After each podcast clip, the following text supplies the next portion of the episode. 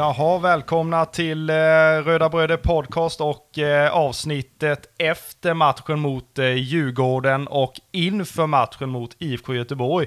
Jag, Kristoffer Karlström, sitter här med min lillebrorsa Andreas Karlström i, eh, i Ljusstaden och eh, vi kan väl börja med att, fråga den yngsta brorsan, hur, eh, hur är läget så här torsdag kväll?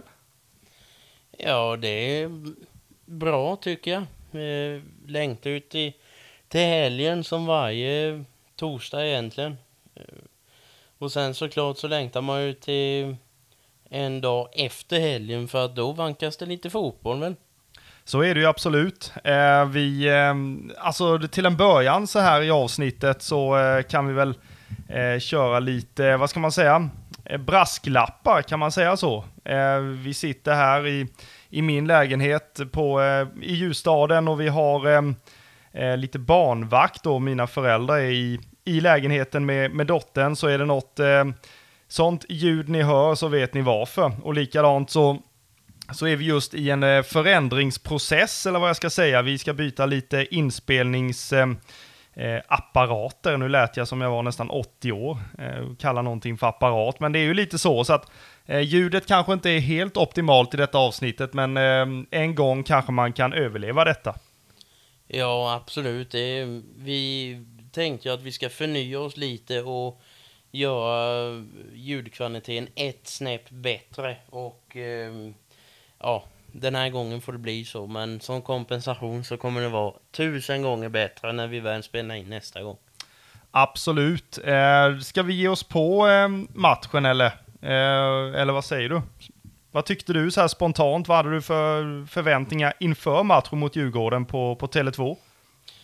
Eh, förväntningarna var väl ändå att eh, det var två lag som eh, ja, som kom ut väldigt aggressiva. Ett eh, Djurgården som kommer från eh, spel i eh, Europakval och sådana grejer och har skaffat sig väldigt högt självförtroende under de matcherna och eh, ja, men man vet att Djurgården är ett eh, ett starkt pressande lag och eh, ja, verkligen pressar sina motståndare från, från att domaren blåser igång. Så att eh, det tror jag att alla var ganska förberedda på.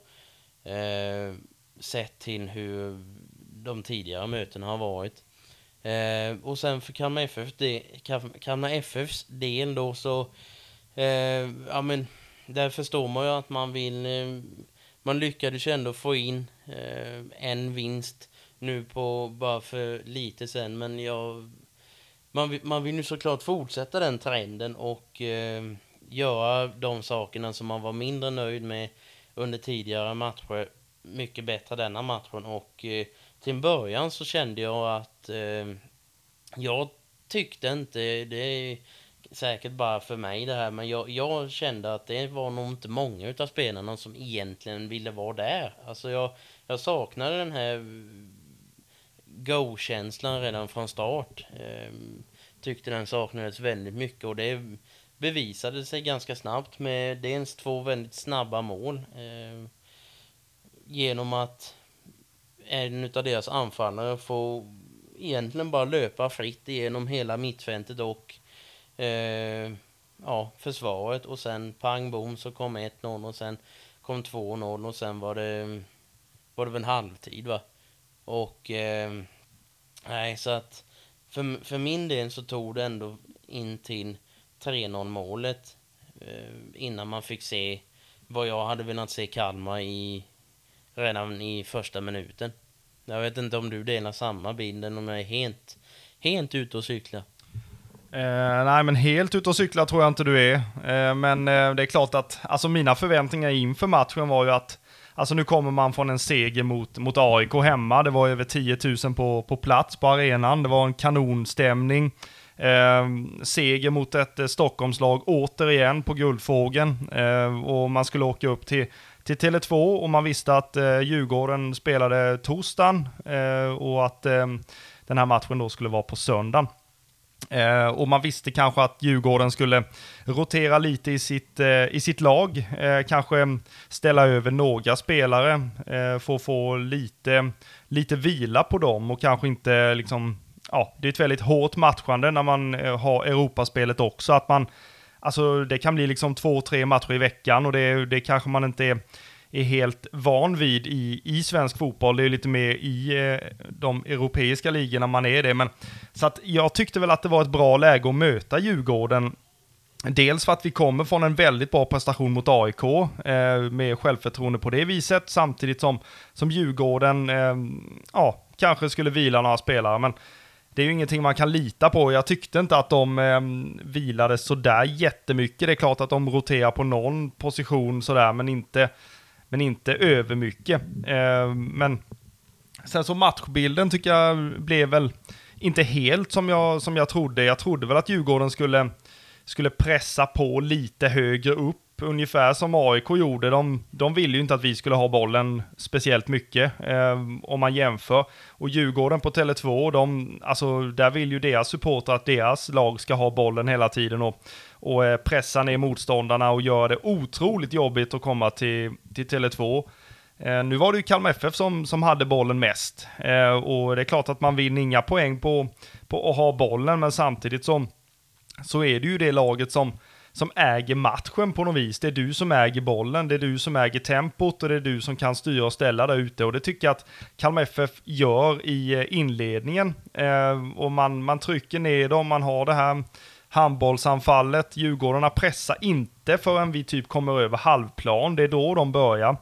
Eh, ja, och det, det skapas lite, lite halvchanser och sådär. Sen kommer ju de här två kontringsmålen i första halvlek, så man blir ju, alltså, det är ju som Rydström nämner, alltså att Sätra förstår ju inte att han är så pass, eh, vad ska man säga, Alltså att han är så pass, eh, alltså han är ju ett monster egentligen ju. Jag menar, han är ju nästan, han är allsvenskans bästa huvudspelare, han är en av allsvenskans bästa duellspelare och när han inte alltså han vet ju om det, så att jag, jag är lite sådär, varför, varför flyger inte deras spelare lite mer när, när Sätra liksom kliver in? Och jag tycker att Wikheim som gör båda målen där i första halvlek rinner igenom otroligt enkelt. Och det, det är någonting man, man stör sig på. När vi har bollen och vi pressar på och vi jobbar och vi får, får Djurgården att, röra på sig och skapa chanser så kommer det två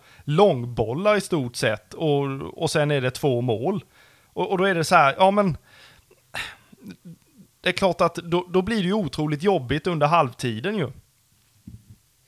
Ja, nej, jag tyckte ju det var två stycken väldigt, ja, jag är ingen Djurgårdssupporter på något sätt, men de var ju, det var två stycken väldigt genomtänkta mål. Man visste precis när man skulle slå den och på vem.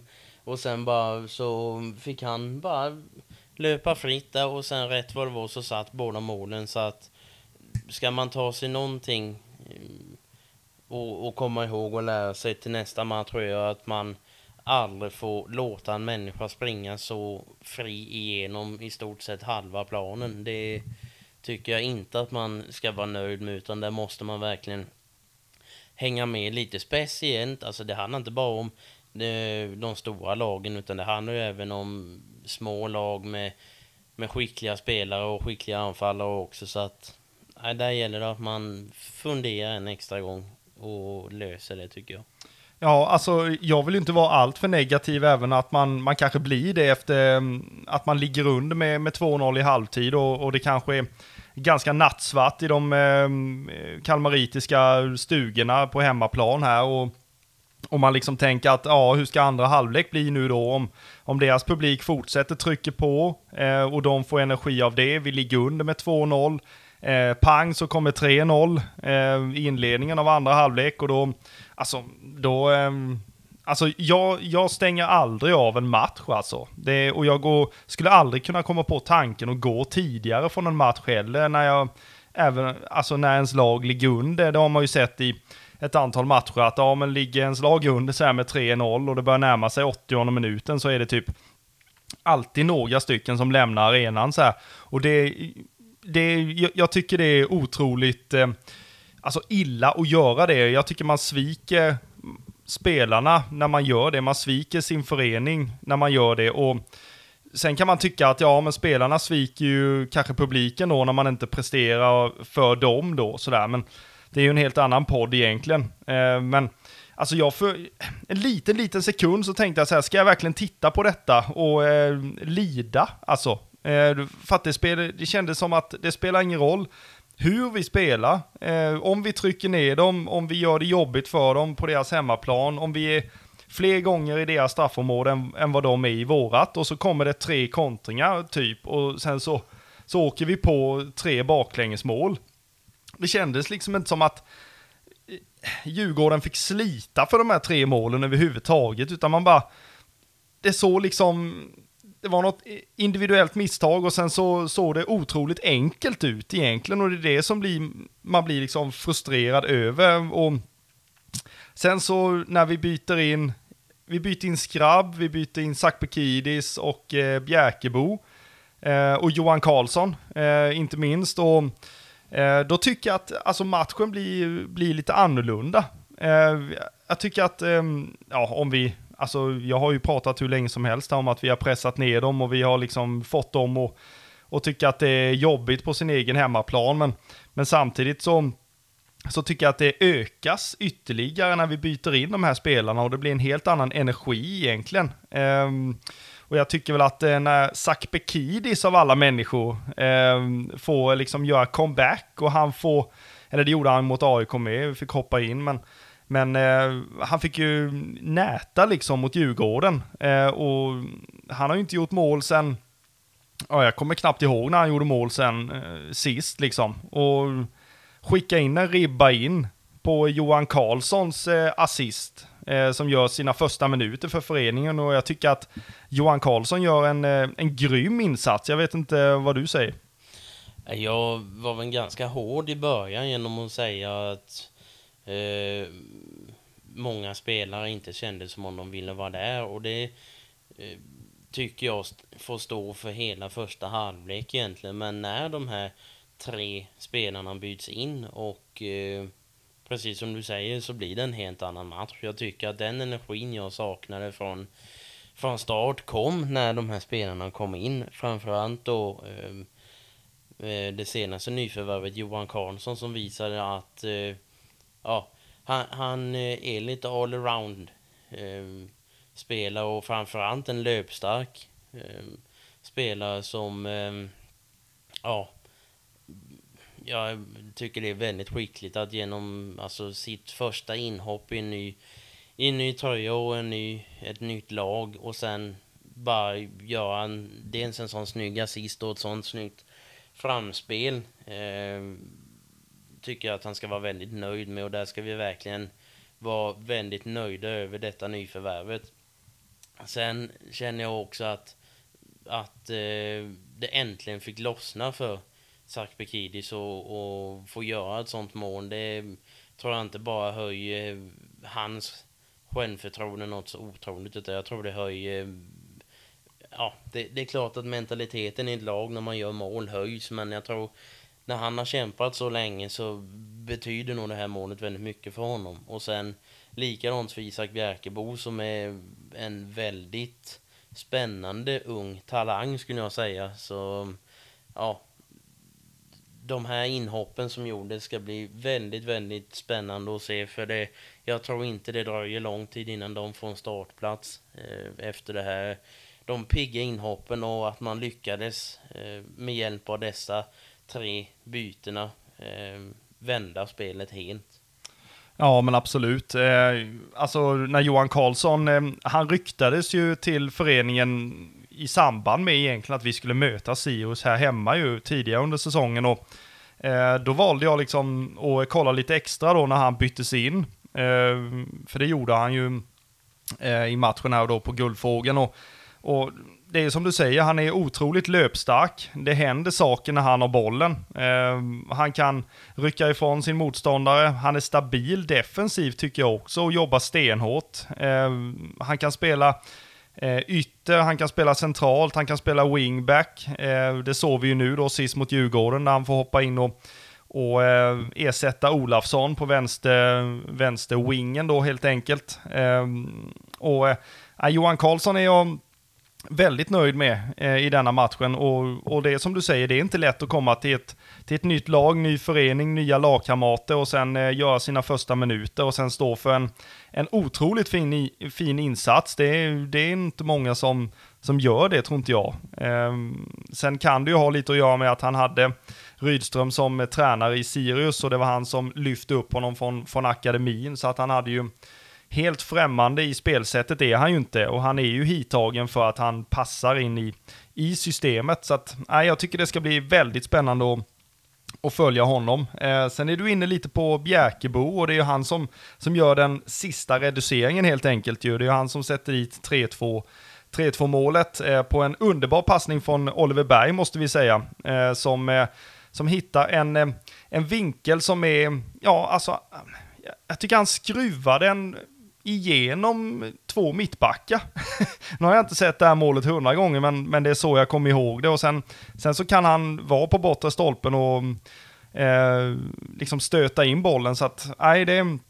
Bjärkebo tycker jag har fått eh, lite för lite eh, space. Jag tycker han har jobbat mycket i det, i det tysta och, och jag tycker att han känns otroligt spännande. Eh, och det ger ju lite fler fler alternativ offensivt såklart, eh, när han får, får, göra, får göra mål också. Likadant som Zac Bekidi som, som eh, ja, alltså han undrar man ju all lycka efter alla de här skade, skadeproblematiken som han har haft så, och det hjärta han har för, för vår kära förening. Så att, eh, nej, det, det fanns ju ljuspunkter trots att vi bara fick med oss noll poäng och jag tycker att vi vi ska ta med oss den här eh, moralen vi visar att vi, mm, ah, alltså det är inte kört efter 3-0 utan man liksom matar på, man gör de här bytena, de som kommer in presterar, eh, trycker ner Djurgården, skapar de här chanserna, ser till så att de blir skakiga på sin hemmaplan och eh, nej, alltså det finns liksom hopp för framtiden, det, det gör det ju verkligen. Och nu, eh, det ska ju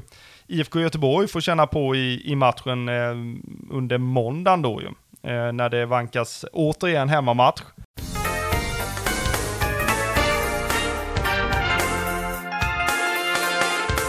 Matchens tre stjärnor.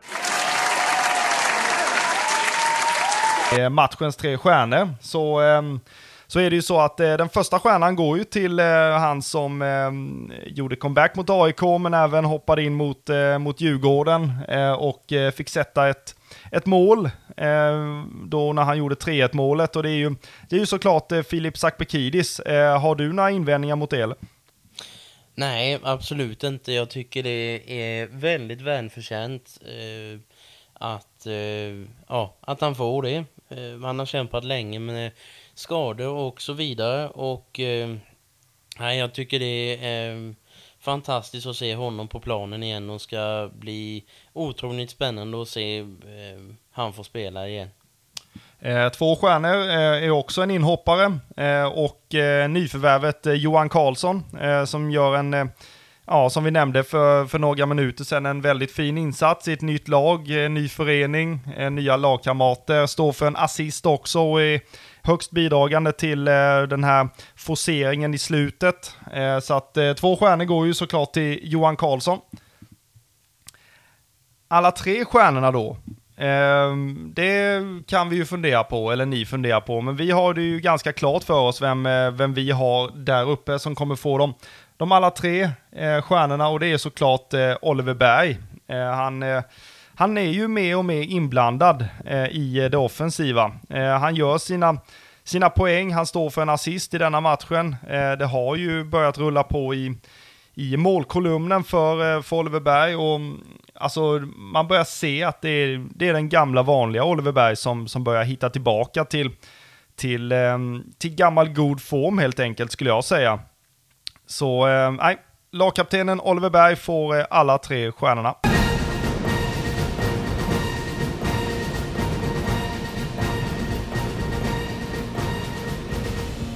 Eh, vi brukar också ha en eh, stående punkt som heter eh, matchens frågetecken och då noterade jag att Alltså det var ju otroligt med tilläggsminuter i, alltså när vi höll på att forcera det i andra halvlek. Och det, det blev ju ganska högljudda protester mot att det var så pass många minuter. Det kan jag ställa mig lite frågande till med tanke på att, alltså, logik i det egentligen, att man, man eh, som Djurgårdsspelare, eh, det gäller ju egentligen alla lag som leder, man vill ju dra tid och sånt där liksom. Men när man, eh, när man liksom ägnar sig åt sådana grejer som att man får kramp och man lägger sig ner och man tjänar någon, någon halv minut, minut på det och sen så tänker man så här, ja de har säkert domaren glömt bort eller någonting sånt där, men, men domaren lägger ju till precis det man liksom försöker, ja, maska då inom situationstecken bort. Och då, då läggs ju det på, vilket innebär att det blir ännu längre tilläggstid. Vilket gjorde att vi fick ännu mer tid att liksom forcera och, och kanske få in en kvittering till och med. Så att, eh, nej, det är väldigt konstiga reaktioner på att vi skulle få någon fördel av domarna då liksom. mot att, mot att eh, Djurgårdarna tar längre tid på sig vid avblåsningar, vid, eh, alltså, ja, sådana här krampsituationer och lite sådana där grejer som man, eh, då, då ställer jag mig lite frågande till, ska man verkligen klaga då över en hög eh, tilläggstid när man har bidragit till det själv? Jag tycker absolut inte att man ska säga någonting om om det som motståndare eller som ja, har ställt till med det själv så att säga. Och det, det borde alltså spelare överlag veta om vid det här laget att oavsett vilket lag man tillhör så tjänar man ingenting på det utan det är ju samma regler för alla. Och eh, vissa tycker det är osportsligt att göra så och, och försöka tjäna minuter och, och så vissa säger att det det är en osäkerhet ifrån det laget som gör så för att de är rädda att man, eh, ja, man inte ska kunna hålla tillbaka motståndarna tillräckligt för att de ska lyckas ändra på resultatet och då måste man sinka tid på det viset och eh, nej, jag tycker att har man orsakat det själv att man, eh, ja, man lägger sig ner och gör det liksom till egentligen ingen nytta alls då, då får man skylla sig lite själv för att det är liksom helt enligt helt enligt regelverket. Det är ingenting som jag tror har med... Det är såklart att det inte har någonting med föraren att göra, utan har du orsakat någonting så får du stå för det också.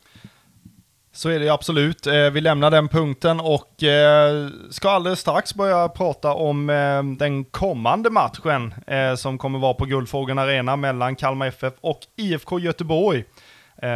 Innan dess så slänger vi in ett litet reklamsegment och det är ju våra samarbetspartners borta på Local Legends eh, som eh, vi har ett samarbete med. Och de, de trycker ju tröjor till de som eh, de tycker förtjänar en sån. Och det är ju ofta lokala legender då ju. Eh, det finns ju ett gäng olika motiv eh, med Kalmar FF-spelare och eh, även ledare, Nanne Bergstrand eh, bland annat, Henrik Rydström, eh, Tobias Karlsson, eh, bröderna Elm, ja, Eminori, eh, vi kan ju nämna, nämna några, men det finns några fler på eh, deras hemsida.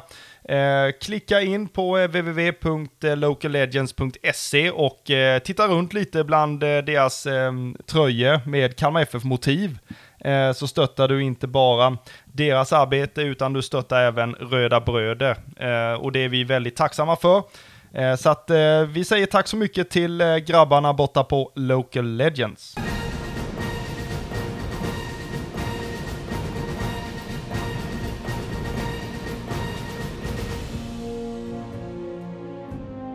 Jag vet inte vad du säger Andreas, men eh, det känns väl som att vi eh, lägger Djurgårdsmatchen eh, till handlingarna? Det tycker jag absolut. Ehm, det är klart att man är missnöjd med att man inte får med sig en poäng, men jag tycker vi ska vara väldigt nöjda över att åtminstone reparera 3-0 mot oss mot 3-2. Så att jag tycker vi ska ta lärdom av matchen som var och eh, se till att vi tar tre poäng mot eh, Göteborg på måndag.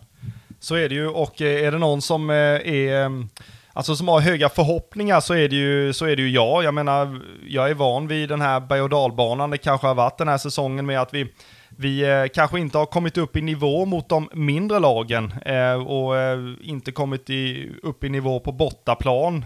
speciellt kanske då denna denna säsongen hittills. Eh, så att eh, nu vankas det ju hemmamatch och utan att jinxa för mycket så tror jag att vi kommer att få se ett, ett helt annat, eh, en helt annan föreställning egentligen på, på Guldfågeln på måndag. Och det är ju som sagt IFK Göteborg vi möter. Deras hemmaarena heter ju Gamla Ullevi. Man har en tränare i Micke Stare.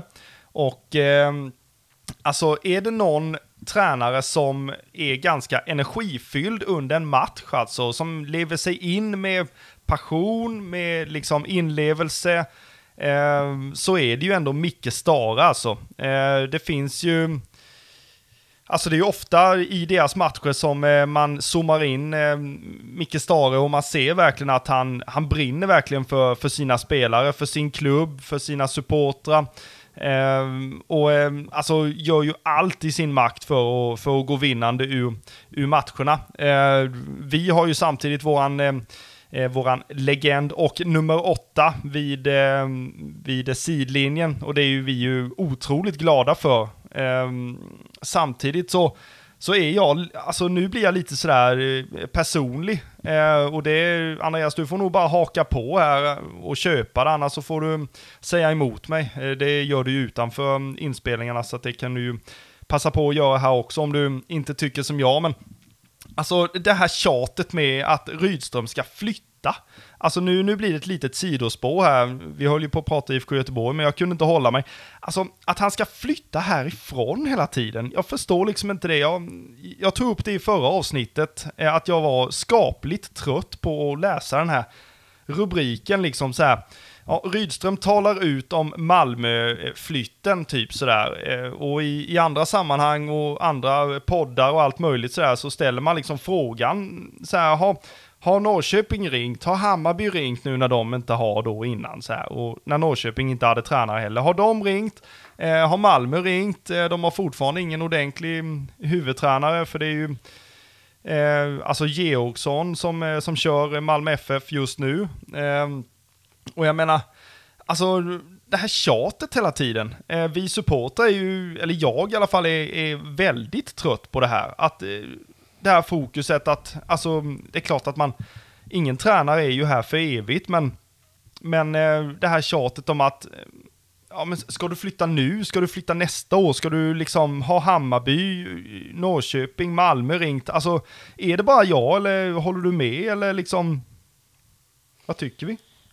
Alltså, det är klart att det skapas väldigt mycket spekulationer när liksom en, en, en tränarpost blir ledig och eh, så det, det, är ju likadant i alltså själva under transferfönster är det ju väldigt mycket spekulationer. Jag minns eh, vid ett tillfälle när vi eh, under ett transferfönster så eh, jag kommer inte riktigt ihåg vilket år det var, det hör väl inte till saken heller, men då vet jag att det ryktades om att eh, Per Frick skulle komma och eh, skriva på för FF för att han inte hade spelat den, de senaste matcherna och inte var med i startelvan och inte med på bänken eller någonting sånt. Men sen får man veta att han hade varit pappaledig under den här tiden. Och jag menar, man, man, alltså, någon gång måste man väl säga stopp och belägg lite. Det, ja, alltså, jag vet att det florerar mycket namn och att det är ja, så men det, folk måste väl få vara där de är någon gång utan att, eller liksom få göra någonting utan att man hela tiden bara, ja, ah, vad, vad var du nu då? Ska, ska du inte vara kvar? Och jag tror den, den allra bästa förklaringen vi kan få på det här egentligen var faktiskt vår kära målvakt som, som eh, talade ut i en intervju eh, där ja, det, så fort nu han hade gjort eh, bra ifrån sig och många hållda nollor så bara, ah, eh, när, när liksom går, går dit flyttlass och, och liksom vart är det och, och allt sånt här. Och jag, jag tycker det, det, är så ovärdigt på något sätt att hela tiden så fort... Det är klart att när man gör bra ifrån sig så blir man attraktiv på en sån här marknad. Det förstår ju vem som helst. Men det liksom var själva fotbolls kulturen och själva fotbollen i sig har. det är liksom ingenting som den individuella spelaren i så fall tänker på. Utan som han sa att ja, men jag vet att det är stora pengar där borta, men det, det är liksom ingenting som intresserar mig. Utan jag trivs här och jag vill vara här. Många är ju sådana att ja, men jag vill liksom bli bättre och utvecklas och flytta och grejer och det. Och det förstår jag, speciellt om man är, med, är ung så vill man ju testa hur attraktiv man är på marknaden och se hur långt man kommer. Det är helt, helt naturligt, men det är liksom skillnad på en spelarkarriär och hjärta tycker jag. Att man i det här fallet då känner att man jag är hemma här, alltså jag vill ingen annanstans. Så jag tror framförallt Rydström har hittat hem och jag tror inte, även hur stor plånbok de väljer att öppna, så tror jag att vi kan vara ganska säkra om att han vill vara här. Ja, men jag känner likadant. Alltså jag menar, och jag tycker det blir lite, lite stressartat. För mig så har, så har Rydström eh, precis kommit hem egentligen. Jag menar, han har, det här är hans andra säsong som huvudtränare i, i föreningen. Alltså han har ju bara varit, varit hemma i, i en och en halv säsong. Och han har förlängt kontraktet till, eh, om jag inte missminner mig helt här nu, så är det 2024 va? Eh, och jag menar, han har kontrakt med oss till 2024. Jag menar, det, det är det man får förhålla sig till. Eh, och, och då blir det liksom så här konstigt att det ska spekuleras om, om andra klubbar, att de ska alltså, köpa ut Rydström eller de ska ta Rydström ifrån en liksom så här. Alltså för mig är det, det är helt, alltså det var som jag sa i, för något avsnitt sen då, det är ju liksom en icke-fråga eh, att Rydström ska härifrån och jag är Alltså jag blir bara mer och mer trött på det här, på det här tjatet, alltså att eh, man ska hela tiden fråga honom så här, har de ringt, har de ringt, har de, alltså bara för att eh, skapa rubriker egentligen. Alltså, det är, nej, Rydström är vår tränare, han är vår ledare, han är vår legend, han är vår nummer åtta liksom. Det är, det är våran, eh, våran Henke Rydström och det, det, nej, det, det var bara ett litet sidospår. Eh, men eh, jag tror att det det är nog, det är inte bara jag tror jag, utan det är nog många som känner så. Ja, men jag tror att det starkaste beviset för att han, han eh, alltså vill vara här, det var att han, alltså han valde att, att komma hit när liksom tränarposten här blev ledig. Han ryktades ju liksom någon annanstans när han eh, gick ifrån Sirius, så jag tror hade han velat någon annanstans än hit, då hade han gått. Men ja, ja, men liksom... samtidigt så är det ju mycket med, alltså familjeskälet är ju, är ju väldigt stort att han, att han kom tillbaka hit också med hans, hans barn och, och sånt där ju, och, och familj. Det är ju precis det jag menar, att där ser man ju vad som betyder, alltså, betyder mest, att Dels familjen, men även då så, eftersom att han har, ja men han har anknytning här, han har sin familj liksom här och det enligt vad jag tror så känns det inte mer än rätt att vara här. Och jag tror hade han haft annat att tänka på än andra tankar så hade han nog gått någon annanstans redan där och då. Så jag tror att vi absolut inte ska vara oroliga för några storklubbar som kommer och ska köpa loss någon eller ska muta eller greja eller fixa eller så. Utan jag tror han valde att komma hit av många olika anledningar och jag tror inte det finns någon anledning i dagsläget och kommande där anledning för att han ska flytta härifrån. Nej, det tror inte jag heller. Alltså, det är bara själva tjatgrejen jag är trött på. Jag är liksom inte orolig att han, att han ska försvinna. Han har kontrakt till 2024, det är det vi förhåller oss till. Och, och njuter verkligen att ha nummer åtta hemma. Alltså det, det känns ju helt fantastiskt.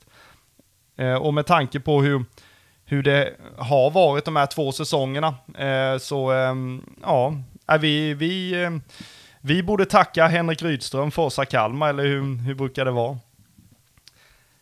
Nu går vi tillbaka till IFK Göteborg i alla fall va? Eh, och eh, pratar om att eh, deras ehm, eh, bästa målskytt är, är, Marcus Berg med nio mål. Eh, de har han ju smält in och, och, han gör ju sitt, sitt jobb som anfallare i, eh, i IFK Göteborg. Eh, det är ju en, en kille som, eh, som vi måste ha uppsikt över. Han är ju väldigt duktig i straffområdet. Han är en måltjuv, han vet hur man, hur man kommer till de här situationerna och ja, har väldigt eh, stor erfarenhet från eh, internationellt spel och landslagsspel inte minst. Så ehm, eh, nej, eh, det är inte konstigt att det, det, är han som har gjort flest mål för, för Göteborg. Eh, tittar man på deras form så här så, eh, så har man två vinster, en förlust på de tre senaste matcherna. Eh, den senaste matchen förlorade man eh, med 0-1 mot Hammarby. Eh, och alltså, det är klart att en förlust, då, då låter det som att eh, de var klart sämre än, än Hammarby. Så var ju inte fallet, utan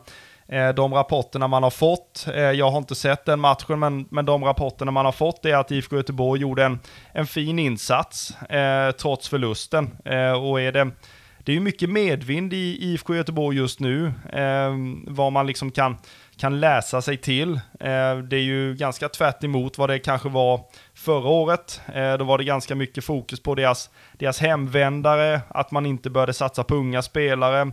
Eh, man tog, eh, tog hem de som var över 30 ungefär. Eh, detta året så, så har man ju fått, fått ihop det på ett betydligt bättre sätt. Eh, och det blåser som sagt lite mer, lite mer medvind i, i IFK Göteborg. Sen är det Alltså sen är det frågan om, om det är bra eller dåligt, alltså dålig timing eller vad man ska säga, och, och möta dem i detta, i detta läget. Eh, jag personligen tror att det är, alltså det hade nog inte spelat någon roll egentligen. Eh, för jag har förhoppningar och förväntningar att vi gör en, en fin prestation på hemmaplan som vi har gjort eh, nästan hela säsongen. Eh, så jag tror att IFK Göteborg kommer att få kommer få det jobbigt på Guldfågeln på, på måndag. Eh, det, det, tror jag absolut. Eh, så här spontant, Andreas, eh, Kalmar FF mot eh, Göteborg, det är väldigt så här klassikermöte. Eh, många fina matcher de, de lagen emellan. Eh, så här spontant, torsdag kväll, eh, vad har du för känslor inför matchen på måndag? Ja, men förväntningarna inför eh, måndagens match mot Göteborg på Guldfågeln Arena är precis som Eh, som tidigare att eh, jag vill se ett eh, kokande Guldfågeln Arena med eh, många rödklädda supportrar både på ståplats men även på, på sittplats. Även att det är en måndag klockan sju så som en trogen supporter så ska det inte vara något hinder alls en eh, sån dag eller vid den tiden. Så att eh, ta er dit, ni som har möjlighet. Och eh, Nej, men jag vill se ett, eh, precis som jag egentligen har sagt i varje avsnitt när jag har fått den här frågan, att eh, man redan från start ska eh, visa var skåpet ska stå och ta taktpinnen redan där och då och eh, visa att de eh, har kommit fel om de vill eh, ta poäng och vinna matchen. Utan det, nu ska vi visa med en gång att eh, det är vi som kommer gå vinnande ur den här matchen och eh, ja, eh, ja, men reparera lite saker och ting som eh, gjorde eh, och som var orsaken till att vi inte lyckades ta tre poäng i, i tidigare match. Eh, och eh, bara kör. Bara in, in, in, med, in med mål och en bra stämning. Ja, absolut. Eh, vi, vi har ju varit väldigt bortskämda på, på Guldfågeln under denna säsongen. Eh, sydostkurvan är ju i stort sett slutsåld varje hemmamatch, eh, vilket har bidragit till att man börjar och planera för att eh, ta bort ett gäng eh, sittplatser eh, runt, eh, runt ståplats. Så att eh, eh, det Alltså de förhoppningarna har man ju verkligen att det ska bli en, en rödvit fotbollsfest på, eh, på Guldfågeln på måndag. Eh, absolut. Eh, tittar man eh, lite kring, eh, alltså när vi mötte Göteborg senast denna säsongen, eh, så var det ju på, på Gamla Ullevi. Eh, och eh, då tog väl IFK Göteborg ledningen med 1-0, eh, om inte jag minns helt fel. Men vi, vi vände matchen eh, genom Kalle Gustafsson och eh, Romario och åker hem till östkusten med, med alla tre poängen i eh, bussen. Eh, vi har även valt ut en fokusspelare i IFK Göteborg och han heter så mycket som Kevin Jakob. Och eh, det är inte så konstigt med tanke på att han ryktades ju ganska friskt till eh, Kalmar FF under sommaren. Eh, dels för att hans kontrakt, vad jag förstår, går ut efter denna säsongen. Samtidigt så var han ju inte en, en given startspelare när det här ryktet började florera. Sen efter det så har han ju börjat att, att ha en mer frekvent eh, startplats och eh, presterat på en eh, väldigt, väldigt fin nivå. Eh, det här är en kille som är otroligt teknisk, ehm, eh, bra med fötterna, ehm, stabil i, i, eh, ja, på mittfältet helt enkelt. En otroligt spännande spelare, eh, gör lite poäng också. och ja, alltså det är ju frågan om ehm, hans kontrakt går ut efter säsongen, om, om vi får se han i, i den rödvita tröjan eh, nästa år till exempel, eller hur det blir. Det finns ingen som, som vet. Eh, det är ju upp till alltså supportrar och, och sådär och, och, spekulera kring. Det är ju en fördel med att, med att vara supporter egentligen, att man får tänka och tycka lite. Ehm, ja, alltså Kevin Jakob eh, kanske vi ska hålla ett litet, litet öga på då i matchen mot, eh, mot Göteborg helt enkelt. Kollar vi kring eh, det rödvita laget, eh, vårt kära Kalmar FF, så är det ju Ja, men så tror jag det är viktigt att man eh, studsar tillbaka trots att vi gjorde, alltså vi gjorde en fin insats mot, eh, mot Djurgården trots att det blev noll poäng. Men, men jag tror det är viktigt att vi tar tar tag i, i taktpinnen med en gång mot Göteborg och eh, eh visar dem att eh, det är vår hemmaplan. Och eh, här kommer man inte ifrån med några poäng om man verkligen inte har förtjänat dem helt enkelt. Ehm, jag tror att det blir viktigt att vi att vi fortsätter eh, med, på den inslagna vägen. Vi har ett högt bollinnehav. Eh, vi pressar ner motståndarna. Eh, vi utnyttjar rätt ytor.